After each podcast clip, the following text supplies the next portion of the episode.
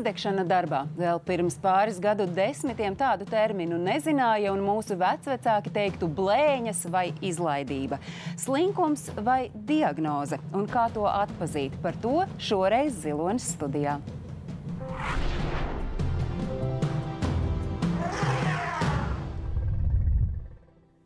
Izdegšana kā 21. gadsimta parādība, iespējams, kaut kāda moderna slimība, bet tā ir mūsu šās dienas realitāte, un par to mēs studijā esam aicinājuši divus cilvēkus iesākumam. Pavisam kopā būs četri viesi mums šodien. Linda Vilmansone Virbula ir cilvēks, kas savu ikdienu pavada darot skaistas lietas, gan ar ēdienu, to gatavojot, fotografējot, iekārtojot ēdienu. Stiliste, tu esi arī gatavo trīs raidījumu. Esi savulaik veidojusi, un savukārt Dainis Žibovskis šeit studijā ir kā cilvēks, cilvēks, kurš ilgus gadus ir strādājis reklāmas nozarē un uh, gadiem krāto pieredzi nomainījis pret uh, labāku pašsajūtu, es varētu teikt. Jā. Jā. Kā tas notika? Tu uh, esi, uh, es lasīju tavu blogu, arī par tevi raksta ārzemju mēdī, stāstot to tavu piemēru.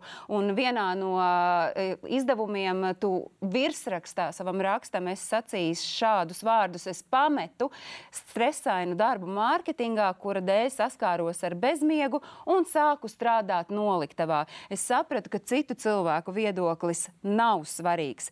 Lēmums no reklāmas, mārketinga jomas pāriet strādāt noliktavā bija no vienas puses likumsakarīgs, no otras puses var teikt arī nejaušība. Es pieļauju, ka jā, lielākoties nejaušība, jo es nostrādāju, es ļoti vairākas reizes gāju projām no reklāmas industrijas. Es sāku strādāt 22 gadu vecumā un nostrādāju līdz 31 gada vecumam. Sāku strādāt reklāmas aģentūrā, un tur jā, es nostrādāju 8 gadus bez atvaļinājuma. Un, jā. Kā... Nebija vienkārši iespējas iet atvaļinājumā, vai? Jā, es biju vienīgais cilvēks, kas atbildēja par tekstiem, kas rakstīja pilnīgi visi teksti, kas bija. Tie bija uz... Un nevar palikt bez tekstiem ne uz brīža. Jā, patiesi gribu tikai divas nedēļas, tad klienti reāli paliek bez tekstiem, un tur arī sociālo tīklu saturs bija jāveido, blogu saturs, mājaslapas saturs, viss, un neviens klients nebūtu ar mieru palikt kaut viens divām nedēļām. Nu labi, strādā, strādā, strādā, strādā cilvēks, nu, un tas likumsakarīgi nejaušais brīdis bija. Kurā mirklī? Kā tas notika? Es pat nepiefiksēju. Tas nāca tā pamazām. Vienkārši tu sāc just, ka tev tiem pašiem darbiem vajag vairāk laika. Tev ir grūti piecelties no rīta, jo tev vairs nav motivācijas. Tev tas darbs, kas agrāk sniedza prieku, tev viņš vispār nesniedz prieku. Naktī tu mosties no domas, ka kāds projekts varētu iz, izdarīt labāk, kaut ko tekstus, eh, celies trijos, četros naktī, sēdies pie datora, pārraksti kādu tekstu. No rīta arī bez mazai viens brīdis jau bija, kad es sāku mosties no trauksmes. Un jā, tad es sapratu, ka tā varētu būt jau izdegšana. Nu, labi, sapratu, ka tā varētu būt izdegšana, un uh, tad tā hops, labi, es iešu uz noliktavu strādāt. Nē, tad es aizgāju no sava iepriekšējā darba, un tieši tajā mirklī nāca piedāvājums uh, no viena privātā klienta strādāt, vadīt viņiem reklāmas daļu. Un man šķita vilinošs piedāvājums, kaut gan es īsti negribēju vairs reklāmā strādāt, bet es tā piedāvājumu pieņēmu. Un es aizgāju uz to uzņēmumu strādāt, vadīju reklāmas daļu. Un, uh, bija grūti. Bija grūti tas, ja vienkārši es nejūtu kaut kādu saikni ar to reklāmas nozari. Un vienā dienā mums birojā pazuda elektrība. Mums apakšstāvā ir noliktava. Un man nepatīk vienkārši neko nedarīt. Es aizgāju uz noliktavu. Uh, un līmēt uzlīmes uz uh, precēm un pakot pasūtījumu. Un tajā brīdī tāds cīņš, sarkanā gaismiņa galvas eh, virspusē. Šis ir tas, ko es gribu darīt. Kāpēc? Jā, tie bija pir, eh, pirmā reize deviņu gadu laikā, kad es darbā jūtu mieru. Es ļoti lielu mieru jūtu. Un tajā monotonajā darbā es ka es kaut ko fizisku daru, un viss man atslēdzās smadzenes, un es beidzot jūtu mieru. To, kas ļoti ilgi nebija jūtis. Nu, tad, tad kaut, kas, kaut ko monotonu darīt, vai nosacīti, var teikt, arī uh, bez tādas milzu atbildības. No nu, atbildība arī. jebkurā darbā ir, bet nav tāda, ka tad viss sabruks. Jā, arī. arī. Linda, uh, tu arī esi savā dzīvē nomainījusi ļoti krasi to jomu, kurā tu darbojies. Arī šī paša iemesla dēļ tas trauks bija pārāk pilns. Jā, un nē. Nu, tad kāpēc jā, kāpēc nē? um, es īstenībā reklāmā nostrādāju salīdzinoši neilgu laiku, jo es uh, pabeidzu bakalauru sabiedriskajās attiecībās, nostrādāju neilgu, bet ļoti foršu laiku vienā aģentūrā. Pēc tam pārgāju uz citu, un es nostrādāju kopumā kādus divus vai trīs gadus. Mm, un tas uh, darbs uh, man arī bija līdzīgi kā Dainim, ap 22 gadiem to laiku. Un, uh, tas darbs uh, it kā no vienas puses ir atbildīgs, un tu gribi to izdarīt labi. Bet vienā brīdī tu saproti, ka tā informācija, kas nāk, tā ir tik dažāda un tik daudz, ka tev ir grūti to nu, visu aptvert. Un, uh, un vienā brīdī arī sācis kļūdīties, tad arvien grūtāk ir aiziet uz darbu. Tad tu atopies arī, ka ir ļoti grūti aiziet mājās, un tu sēdi darbā ļoti ilgi. Un, uh, un vienā brīdī sapratu, a, a kāda jēga?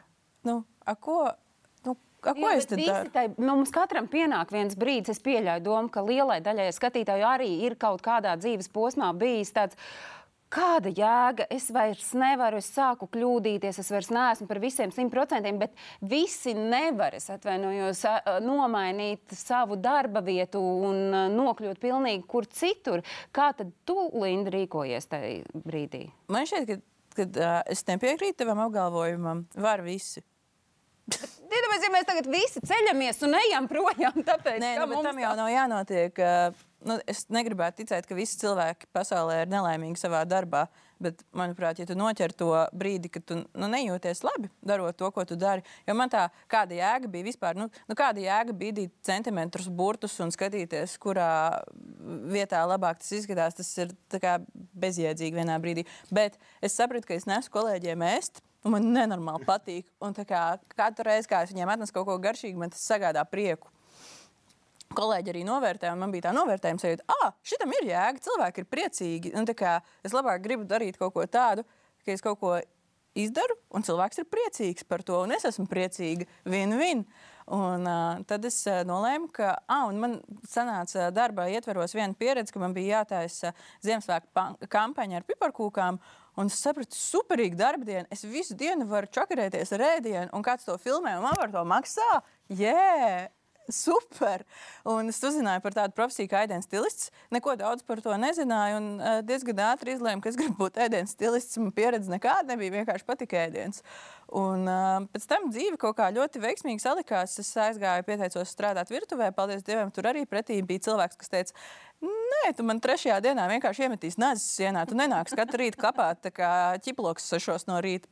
Jā, visticamāk, nē. Un, bet man bija iespēja kā, izpildīties šajā uzņēmumā, gatavojot pasākumus, kas man arī ļoti patika. Un tad pa punktiņam, pa punktiņam tas viss kaut kā panesās un aizgāja. Uh, Un... Abiem diviem jums tā tomēr ir kaut kādā mērā nejaušība, veiksmes mirklis. Nu, labi, ka tā elektrība pazuda un tu nonāc tieši noliktavā, nevis es nezinu, kaut kur citur izmisumā plēsi matus, ka tu neko nevari darīt. Labi, ka tev patika gatavot. Nu, tas ir tas, ka mums ir ļoti rūpīgi jāklausās. Mm -hmm sevi, kas ir tas īpaši brīžos, kad tu man teici, Linda, nelaimīgs darbā. Tu arī biji Daina nelaimīgs darbā. Mm, pēdējos gados noteikti, jā. Pēdējos gados noteikti. Jā. Kas bija tas, kas tev nu, rakst, kas tev iedeva to sajūtu, ka tu esi nelaimīgs? Jo tādu nelaimīgumu mēs varam laiku pa laikam sajust. Iespējams, tas, ka es biju vienkārši pārstrādājies. Es ļoti daudz garas stundas strādāju, un es nespēju novilkt arī to robežu starp privāto dzīvi un, un, un darbu. Es ļoti nesu darbu mājās, strādāju vakaros, strādāju brīvdienās. Nebija novilcis robežas starp sevi un priekšnieku. Priekšnieks zvanīja arī brīvdienās, vakaros bija ēpasti un īziņas pārbauda šito, paskaties šito. Bet tā jau atkal varbūt ir tāda darba kultūra. Starp citu, par to mēs arī pēc brīža runāsim, kā tieši darba devējs var noķert šo mirkli, ka viņš ir par daudz uzkrāvis savam darbiniekam. Jā, es domāju, tā apusē ir vaina gan pašam, ka tu nespēji no, no, novilkt tās robežas robežas, gan no darba devēja, ka viņš pārkāpj tās robežas, labi apzinoties, ka viņš viņas pārkāpj. Nu, jūs esat uh, pavisam nedaudz ieskicējuši, kas bija tas, kas jūs mudināja mainīt savu darba, līdzinējo darba dzīvi, bet pēc brīža mēs tiešām ieskatīsimies acīs izdegšanai un centīsimies arī saprast, kā ar to cīnīties, vai mēģināt sadzīvot, vai noteikti mainīt savu darba vietu. Un mēs studijā aicināsim trešo viesņu.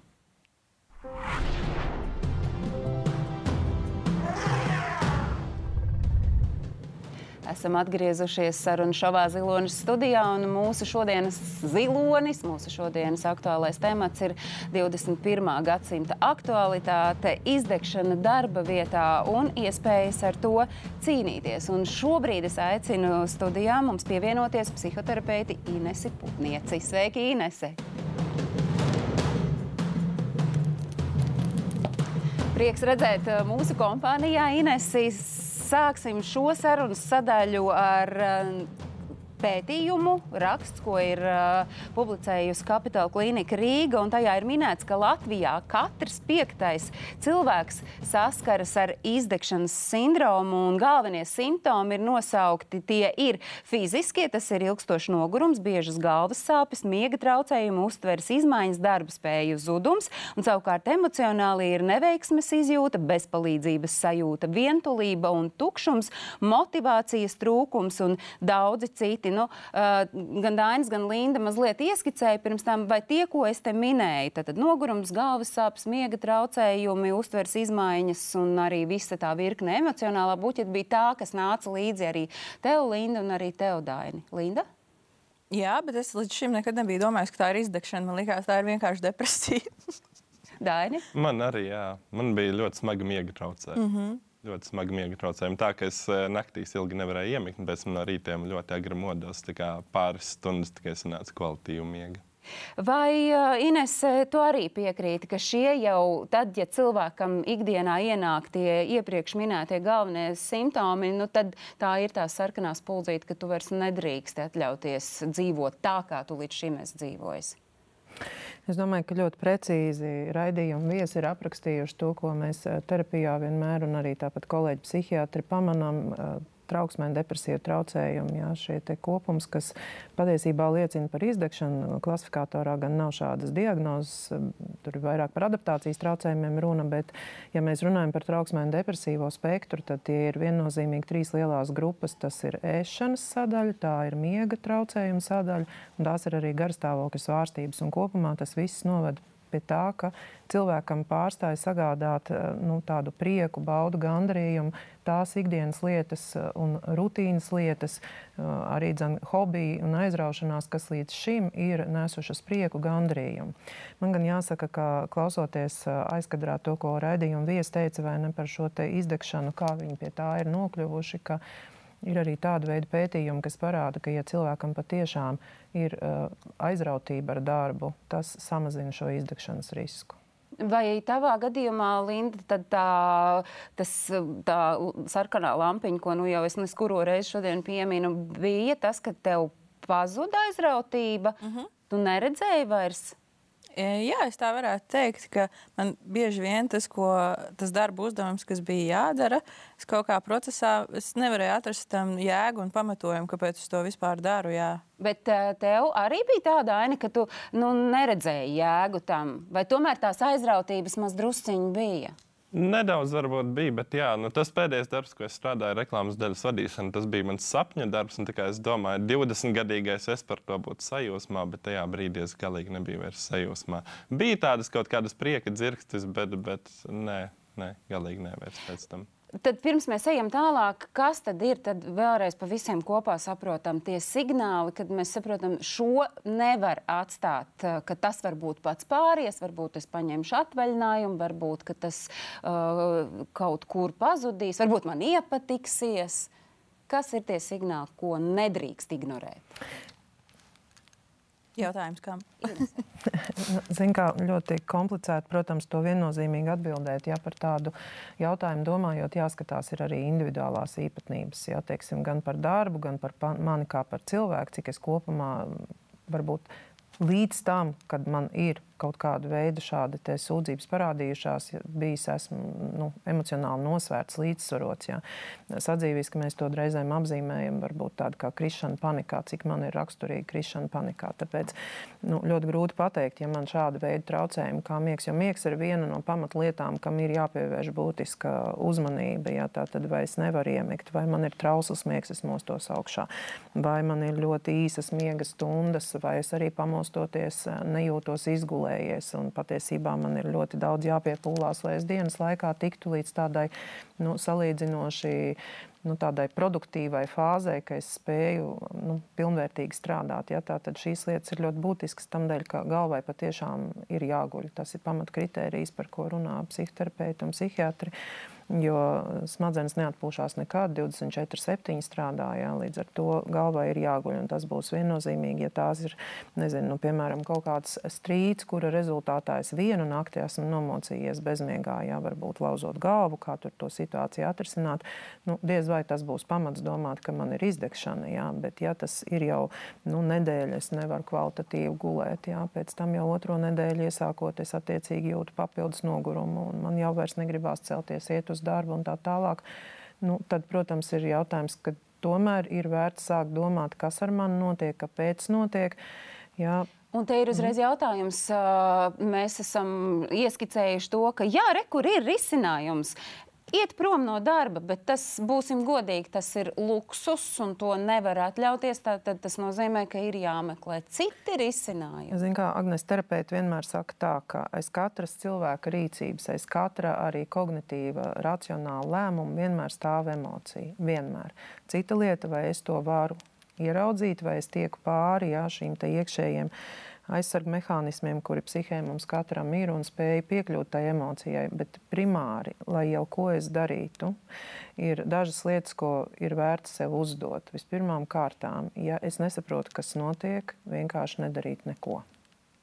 Tas nozīmē, ka iedot laiku sev padomāt. Tas vienmēr notiek arī terapijā, kad pacients atnāk ne, ja ar kaut kādu tādu konkrētu jautājumu, ko man darīt. Tad es papildus jautāju, lai notiktu kas vai lai iestātos kas. Kāds ir mērķis, ko es gribu sasniegt? Ja? Tad, kad es esmu atbildējis uz šiem jautājumiem, ja, tad noteikti tas lēmums nebūs tāds impulsīvs. Jo jā, piecelties aiziet, kā tu raidījuma sākumā teici, vai ne, kad nu, pieceļamies visi un ejam prom. Protams, ka nē, nu, tas, tas ir impulsīva rīcība. Ja, bet es jā, apdomāju, ja es izsveru visus par un pret, Jā, arī savā veidā varbūt, varbūt aizēja vismaz ar draugiem aprunāties. Nu, obligāti varbūt nav pie terapeita visiem jāiet. Jā. Kā runāt par to? Kā Linda, tu par to runāji? Un droši vien arī šobrīd, tad, kad ir nu, par daudz uh, un, un šķiet, ka es vairs nevaru, kā tu par to runā un ar ko? Hmm. Um, man šķiet, jau pareizi Ines minēja vispirms ir jārunā pašam ar sevi, un tas nereti ir ļoti grūti, jo tajā brīdī, kad tu esi ieskrējies tajos darbos un uh, dari daudz ko no tevis, tiek prasīts daudz kas, un uh, ir vērts atcerēties, ka no darbs jau arī tiem, kas pārstrādājās un izdeg, nav visa dzīve. Vēl ir uh, mammas, brāļi, vīri, bērni, uh, omes, uh, hobiji. Un vienā brīdī uh, tu jūties tāds pārsātināts ar visām tām lietām un bieži vien tāds tā kā neizdevies cilvēks, jo tev nav gana daudz enerģijas un mentālo resursu, lai tam visam pievērstos. Un, manuprāt, uh, tas ieteikums tā kā bišķiņa apstāties un ieklausīties sevi un saprast, kas, kas man īsti galvā notiek, ko es gribu, kas man šobrīd neapmierina, kādas ir vispār man fiziskās sajūtas, jo uh, nereti arī tām tiem brīžiem nāk līdzi panikas lēkmes, kuras pavada slikta duša vai nēšana vai nu, daudz kas tāds. Jā, jā, man noteikti bija ēšana arī ietekmēja. Jā, un, un jā, vispirms ir saruna ar sevi, un tad ar uh, pašiem tuvākajiem un, un darbu. Man ir uh, bijušas dažādas pieredzes tajā brīdī, kad ir jārunā ar, ar tiem, ar kuriem sastrādājos. Jāatzīst, ka pēdējā laikā tā informētība un interese par šāda rakstura problēmām cilvēku dzīvēs ir bijusi daudz lielāka, un cilvēki ir daudz iejūtīgāki un saprotošāki, jo daudz paši tam ir gājuši cauri. Un, uh, man ir bijusi laba pieredze ar to, ka, ja es saku, man ir slikti, man šķiet, ka man depresija sāk iet uz slikto pusi, ka man ir bijusi liela ieinteresētība no apkārtējiem, apkārtējiem cilvēkiem un vēlme palīdzēt, bet tas, ko es pati sev esmu sapratusi, īsti neviens cits tev nevar palīdzēt, izņemot tevi pašu. Tev ir jāgrib, jāsaprot un jānoķer tas moments, man šobrīd ir par daudz. Ko es varu darīt? Pateikt to stop. Un uh, tu jau pieminēji, nav jau tā, mēs arī šodien vairāk fokusējamies uz to, ka šo izdegšanu mēs noķeram darbā, bet uh, paskatīsimies uh, uz ģimeni, jo gal galā, un tas varbūt vairāk ir uh, sievietēm raksturīgi, piemērs no Twitter, ka vidēji Eiropas Savienībā sieviete, kura jau tā strādā pilnu slodzi, viņa vēl 19 stundu nedēļā pavada veicot neapmaksāto darbu mājās. Jā, protams, tas kā kurā ģimenē un tas sadalījums iespējams ir dažāds, bet vai tā izdegšana var būt arī ģimenē, vai ģimene būt kā papildu, nu tāds vēl viens punkts. Nu, kā, man tomēr gribas teikt, jā, ka tas droši vien būtu jāskata kopumā kā tāds vesels, vesels komplekss, kam pamatu pamatos būs tas, ka cilvēkam viennozīmīgi ir pietiekoši zema pašapziņa. Nu, mēs ikdienas valodā to saucam pašvērtējums. Un tad šī ārējā stigmatizācija, ārējās sabiedrības prasības, tā vēlme kaut kādā ziņā absolūti atbilst visās iespējamās sociālajās lomās, kuras katram mums ir vairākas, ja, kā jau te arī raidījuma dalībnieki runāja, un tas, ko tu no Twitter lasīji, vai ne, nu, dažādas, gan ar ģimeni, gan ar darbu un, un, un dažādi visur būt perfektam, visur būt ideālam. Un tad savā ziņā šīs prasības, kuras es pats sev uzlieku, lai atbilstu visiem šiem standartiem, kritērijiem, iedomātajiem, jā, terapijā arī mēs bieži vien, kad runājam ar pacientiem, mēs tā arī jautājam, nu, kurš to grib vai tas ir tas, ko tu pats patiesībā gribi, vai tu to gribi tāpēc, ka to gribās it kā kādam citam. Jā. Un, protams, ka šīs lietas tā ļoti nu, grūti uzreiz nodalīt, jā, jo psihē nav šo robežu starp to, ka tādā tiešā veidā, ja psihē viss eksistē gan citu nosacītās prasības, gan arī mani kaut kādi iekšējie uzstādījumi. Un tad un, jau ir ļoti grūti arī tajā brīdī, vai, vai tas ir terapeita kabinets, vai tas ir protams. pašam sev atzīt, ka man patiešām mm. ir visa kā par daudz. Un es saprotu, Dāni, tev arī nebija, nu, lai arī izklausās sasodīti vienkārši tavs gadījums, tu arī esi gājis pie terapeita. Jā. Un arī tur vēl terapeita kabinetā, tad, kad jau nu, nosacīt, laikam ar vienu savu prātu prāta sadaļa, tu saproti, ka viss slikti, bet tāpat laikā tu esi spītīgi teicis, ka nē, viss ir labi. Jā, tā arī bija. Tas bija tas, ko arī Linda minēja par to neizdevušos cilvēku, kas ļoti vairākus gadus nodzīvoju ar to sajūtu, kas man neizdevies, tāpēc, ka es ar to izdegšanu saskāros. Un tikai pēc tam, kad divi, trīs gadi pagāja, kad es par to sāku runāt terapijā, kad es ar to sāku runāt ar ģimeni, ģimene ļoti atbalstīja, bet, kad es runāju ar priekšniekiem, kas iepre, abi iepriekšējie priekšnieki ir diezgan liela tās hasla kultūras atbalstītāji. Un man pirmais priekšnieks pateica apmēram tā, no kā tas ir noguris no sēdēšanas pie datora. Apmēram nu, tāda ļoti neizprotoša attieksme bija no priekšā. Ines nopūtās. Tas pieminētais hustle culture ir, nu, to varētu saukt tādu pārstrādāšanās, glorificēšanu. Jā, ja? Tas jā. ir tas, ko nu, šā brīža darba vide un arī zināmā mērā sabiedrība no tevis pieprasa. Un, nu, tas tiek definēts kā kultūra, kas mudina darbiniekus strādāt vairāk par standarta slodzi. Ar to domāts arī darbs brīvdienās un nedēļas nogalēs un pieprasa darbu paveikt absolūti nekļūdīgi un arī ātrāk nekā tiek prasīts. Uh, nu, uh, tiešām jūs redzat, ka Latvijā šobrīd ir tāda pārstrādāšanās, glorificēšana, nu, ka to par normu mēs jau uztveram. Linda? e, jā, kādu laiku tā ir bijis, un es arī tajā pašā Twitterī, kur uh, kur aktīvi palasu šeit, un arī nu, citos sociālajos tīklos, var redzēt, ka, ka cilvēkiem ir iegājies, ka viņi kaut kādā ziņā pamana to. Un tas ir tāds, ko mēs draugu vidū saucam par komplimentu, bet nē. Tu, tu pasaki kā kaut kādu sliktu lietu, bet īstenībā kā mazliet ar to lepojies un saproti, ka tā lieta nav super. Un tad uh, nu, es esmu pamanījusi, ka ir cilvēki, kas saka, ah, nu jā, es atkal kārtējo reizi esmu pārstrādājies vai, vai ilgi darbā un it kā saprotu, ka nav labi, bet tu redzi, ka tas jau ir kā patērns, kas turpinās un turpinās. Un es tomēr gribētu teikt, ka lai arī šī kultūra ir aizvien vairāk, arī parādās cilvēki, kas norāda uz to, ka tas nav labi un ka tas būtu jāpārtrauc glorificēt un, un iedrošināt cilvēkus pārstrādāties un vairāk rosināt uh, to, ka man ir par daudz, es šodien atpūtīšos, un tas ir kaut kas tāds, ko, teiksim, mani draugi pat ir man skaļi pateikuši, ka viņi novērtē, ka es šeit tad saku, nē, šovakar neiešu ārā, es negribu iet uz šo pasākumu, jo man ir par daudz, un uh, kad tu novelc un padomā par tām savām robežām, un cilvēki aizvien vairāk to sāk respektēt. Es gribētu teikt. Ines arī no, novēro to, ka to arvien vairāk, nu, no vienas puses, arvien vairāk mēs glorificējam to,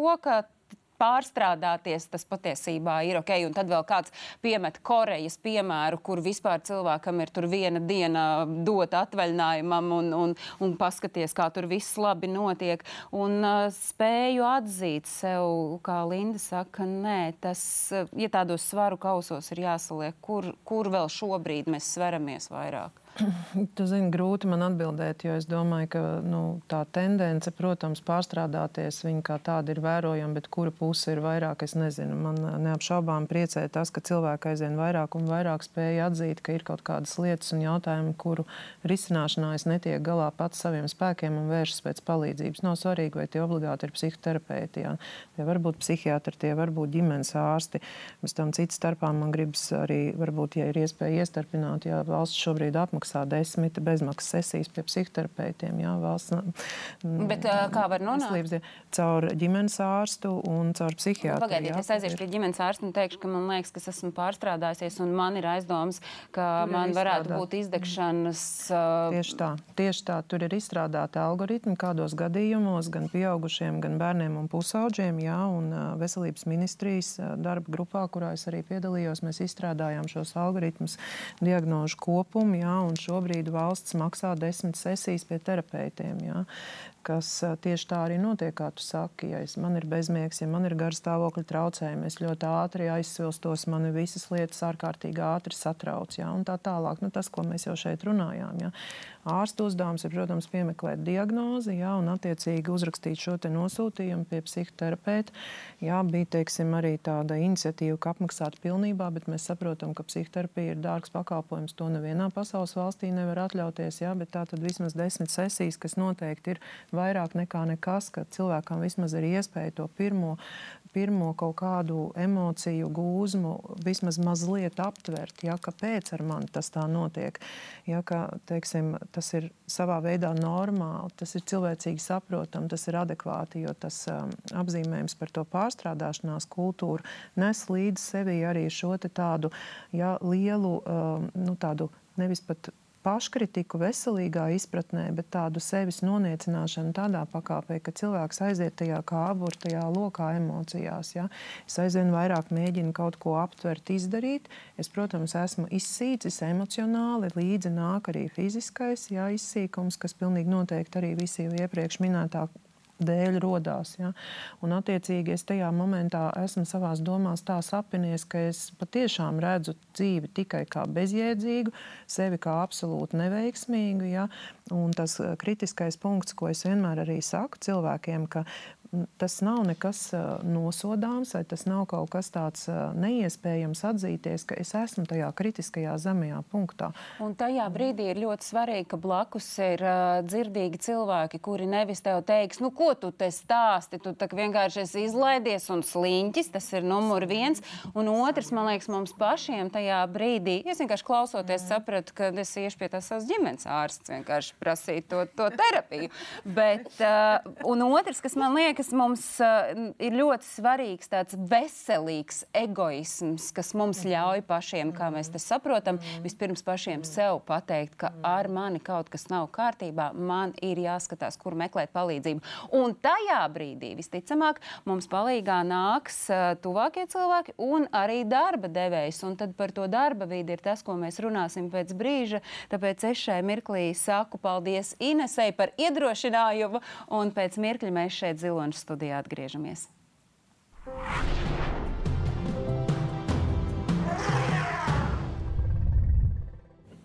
Mēs esam ieskicējuši mūsu šā brīža tendenci gan pārstrādāties, gan arī glorificēt pārstrādāšanos kā sava veida augstāko savu sasniegumu. Bet pie mums studijā tūdaļ ieradīsies vēl kāds viesis uzņēmējs, kurš ir saistīts ar vienu no Latvijas veiksmīgākajiem uzņēmumiem. Nu jau jāteic, cik trīs gadu desmites draugiem grupu, un tas ir Jānis Palkaunieks. Lūdzu, studijā.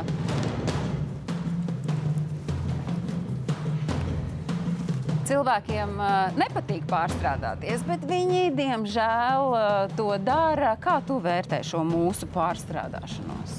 Nu, man tāds sajūta, ka pirms kaut kādiem vairākiem gadiem tā bija tāda modes lieta. Teikt, ka man nav laika, esmu pārstrādājis. Tad tu kaut kādā veidā parādīji, ka tu esi vajadzīgs, uh, vajadzīgs un, un noderīgs un tāds uh, svarīgs. Un, un manuprāt, ka to teica nu, pat tie, kuri nebija uh, pārstrādājušies. Vienkārši tas bija tā, nu, tā stilīgi. stilīgi jā, es, esmu, es esmu aizņemts, esmu aizņemts, man nav laika. Bet manuprāt, ka, nu, tas. Nu, man izskatās, tas ir beidzies, ka pie tā, pie tā mēs nu, neatgriezīsimies vairāk. Nevis tas, cik daudz vai ilgi strādā, bet kā tu strādā, cik efektīvi un cik kvalitatīvi tu strādā. Tas, manuprāt, ir, ir tas šodienas. Um, veiksmes atslēga uz, uz, uz panākumiem. Jā, bet uh, tomēr tā izdegšana ir tepat blakus esoša, līdzās esoša. Viņa Vai ir, tu protams, to pamani? Tā jā. mazinās, varbūt, ka tomēr pieaug.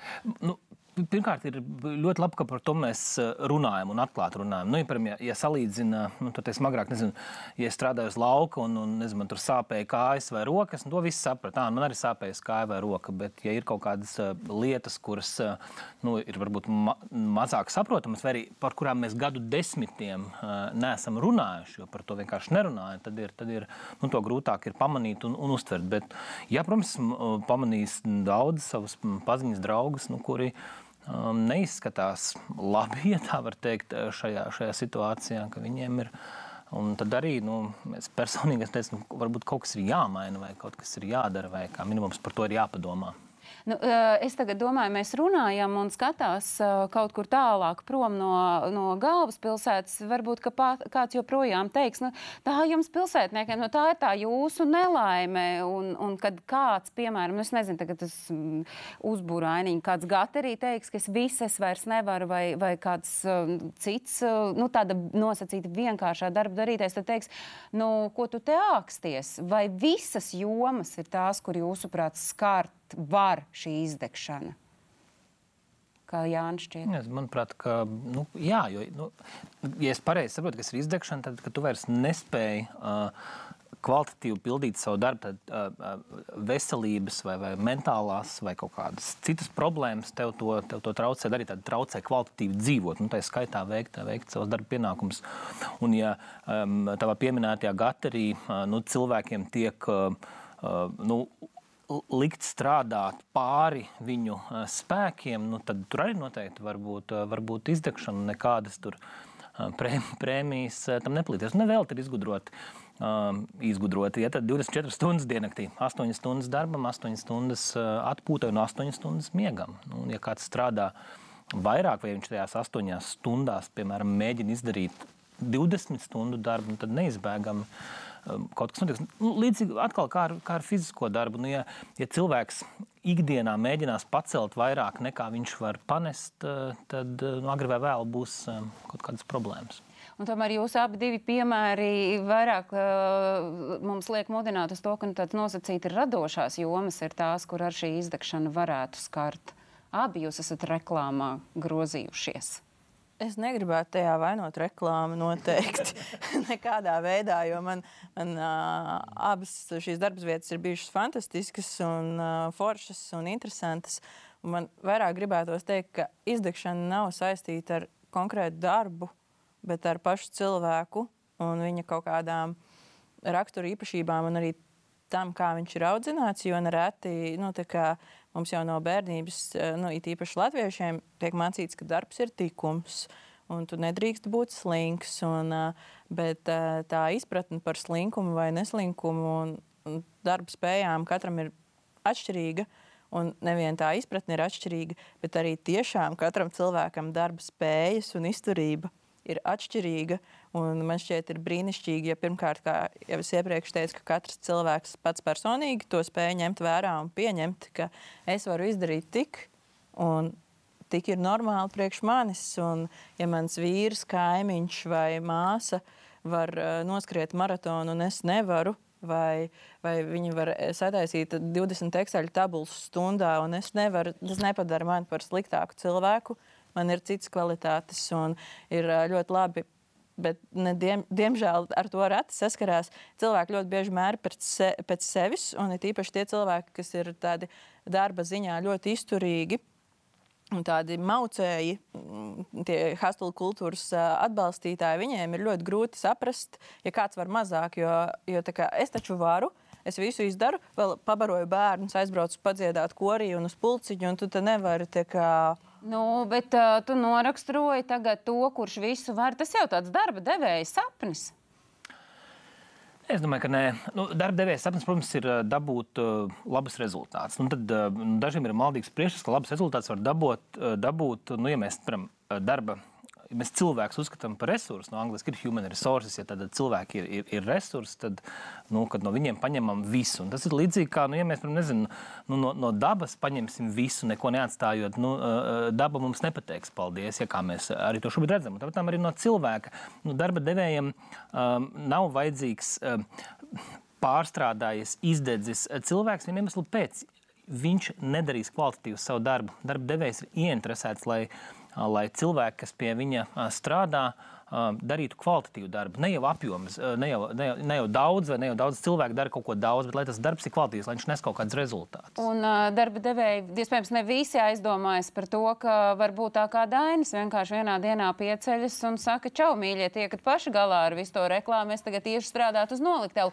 Tas ir ideālajā pasaulē, kur ir ideālie mm. darba devēji. Protams, uh, psihoterapeiti prom ejot mums uh, aizkadrā pagūvu pateikt, ka, protams, ir mums sociāli atbildīgi un cilvēkus novērtējoši darba devēji. Nu, kas ir tādā, mēs ejam uz ideālo, nu, kas ir tas, ko darba devējiem vajadzētu pirmkārt pamanīt, un otrkārt, ko jau, nu, jau preventīvi jau iepriekš novērst, lai mēs nonāktu līdz situācijai, kad dainas ceļās un iet uz noliktavu. Mm. Nu, tur, nu, jā, tur tās, nu, tas lietas pēc tam nav, nav nekas sarežģīts. Pirmkārt, ir, nu, ir jāvēro, kas notiek ar tavu komandu, kas notiek ar cilvēkiem, kuri pie pie tevis strādā, tev uh, pelna naudu. Ja, tad kas viņiem notiek? Un, un ja mēs runājam par, par izdegšanu vai, vai mentālo veselību, nezinu, piemēram, mēs jau kaut kādu trīs gadu atpakaļ ieviesām, uh, ka visiem, ir, uh, visiem darbiniekiem ir pieejami pieci bezmaksas, pieci apmaksāti psihoterapeiti vai psihologu konsultācijas. Ja tad darbiniekam bezmaksas. Jā, viņš, viņš var aiziet jebkurā. Protams, tas ir. Tas ir jā, jā, izmanto, bet tas nu, tie pieci, protams, ir problēma situācija, tad, tas, tad tie pieci ir pamaz, bet tas visiem ir iedot pieci. Uh, tad mums ir uh, psihoterapeits Arthurs Niksons, kurš mums vada lekcijas gan publiskās, gan grupu terapijas, gan arī pie viņa iet uz, uz, individuālām, uz individuālām sesijām. Ir sadarbība dažādiem, dažādām veselības iestādēm, kur cilvēki var aiziet un, un atrast. Jo arī, citu, atrast arī psihoterapeitu nav tik vienkārši. Jā, un vēl, ir, vēl ir, jā. es domāju, ka vēl ir viena lieta, lai arī tas viss tiek piedāvāts, cik bieži ir, cik viegli viegli un bieži cilvēki paši sev atzīst to, ka jā, man tiešām par to arī vajag. To arī vajag. Atkal tad, eh, nu, tā kā agrāk bija modē, daudz, daudz darba nav laika. Jā, tā tagad ir modē. Es, es biju, es biju aizgājis, es biju izmantojis. A, tiešām, O, tad es arī varētu pamēģināt aiziet. Mēs par to arī runājam. Par to, par, to arī runājam iekšēnē. Nu, iekšējos čatos pie, pie pusdienām, pie, pie kādiem sarunās par to cilvēku runā un stāsta. Uh, Un tāpēc arī, mm, arī svarīgi arī, arī šajā raidījumā, ka par to runā un stāsta, tas iedrošina cilvēkus. Jo vēlreiz mums ir nu, baigā stigma par šo. Nu, visas, nu, es atceros, piemēram, bērnībā, tad, tad Jelgavā ir psihoneiroloģiskā slimnīca. Nu, mēs saukta par psihiatru. Jā, pavisi, kā, mēs tukumā jaunieši, kā viens otru saucām, nevis tu esi traks, bet tu esi Jelgavnieks. Jā, tad, tad bija tāds, tāds zīmoks, nu, ka tas bija tāds oi, no tā ir, nu, tas ir kaut kas. Kaut kas. Un, bet tad, kad, piemēram, mazam bērnam ir, ir rēta, ja viņš iet un citiem rāda, redz, kāda man ir rēta, kā es uzplēsu rētu, redz, kāds es varonis, vai kad, vai kad ir kliba kāja salauzta vai izmežģīta, tad uh, viss saprot un, un, un saprot un palaiž to cilvēku, nes apsēsties vai palīdz viņam kaut ko izdarīt.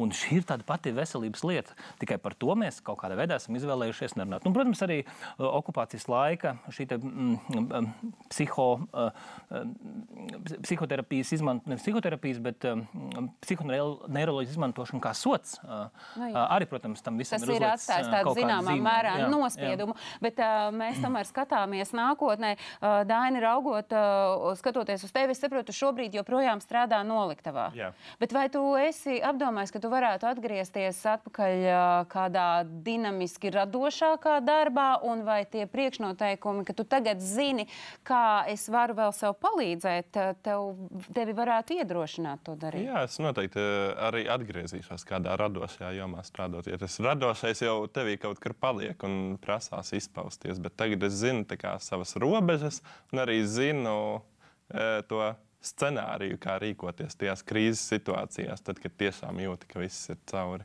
Un vēl pie viena, s- noslēdzot šo sarunu, vai, vai un cik svarīgi ir tas, ka mēs uh, zinām arī tos veidus, kas mums palīdz tajos nosacīt kritiskajos brīžos, atvilkt telpu, ka mēs zinām, kā atpūsties, ka mēs zinām, ka mēs varam pateikt stop, Linda. Jā, man no visas šīs sarunas viena lieta atavas atmiņā tieši par šo tēmu. Tajā brīdī, kad man visi, visi apkārt sāk likties lohi, es sāku domāt, varbūt problēma tomēr ir manī. Un tas īstenībā, nu, tiešām, ja tu kļūsti tāds super nokaitināts un apkārt viss ir muļķi, tad ir vērts apstāties un padomāt, kāpēc tev tā liekas un kāpēc tāda neiecietība. Un, jā, atpazīt to savu sistēmu un mehānismu, ko es varu darīt, lai, lai justos labāk. Un viena no tām lietām ir godīgi pateikt citiem, hei, man tagad ir slikti. Es darīšu labāko, ko es varu, bet es tev brīdinu, ka nu, es neesmu labākajā punktā, lai apkārtējie cilvēki var rēķināties ar to. Jo līdzīgi kā Jānis teica par šo klibumu vai rētu, tas ir kaut kas, ko mēs redzam un spējam respektēt. Un tas, eh, nu, jā, tas respekts pret, eh, pret otrā pašsajūtu un empātiju. Un, uh, un arī rēķināšanās, ok, tātad šis cilvēks spēs izdarīt to tā vai šādi. Jo nereti radošajās industrijās šī tiešām ir liela problēma, ka cilvēki, kas saskarās ar, ar depresiju, paniku vai trauksmi, viņi mēdz pazust. Un, un, un tas rada problēmas jau, jau vairākiem, jo tu esi tādā izmisumā, ka tu nespēji nevienam atbildēt. un tā Kā, tad tu izmanto strausu tehniku un slēpies. Un te es novēlētu ikvienam vēl un vēlreiz to veselīgo egoismu saglabāt. Un tad, ja mēs redzam, ka viņam tiešām viss ir lohi apkārt, un viņš to ļoti uzskatāmi mums ļauj sajust, noķert, ka eh, mēs varam palīdzēt. Jo man ir bijusi, bijusi situācija, kad man pasniedz roku tajā brīdī, kad man jau likās, ka viss ir kārtībā. Līdz ar to uh, saprotam sevi un uh, paļaujamies uz to, ka mums blakus ir redzoši, un saprotoši, un dzirdoši un iejotīgi kolēģi un darba devēji. Un, protams, kur tad bez ģimenes. Es saku paldies šodienas ciemiņiem par šī temata aktualizēšanu un ieskicēšanu. Uh, atpūšamies ja? un satiekamies kādu citu dienu, bet par šo diskutēt jūs varat TV3 mājaslapā sadaļā Zilonis studijā. Atā.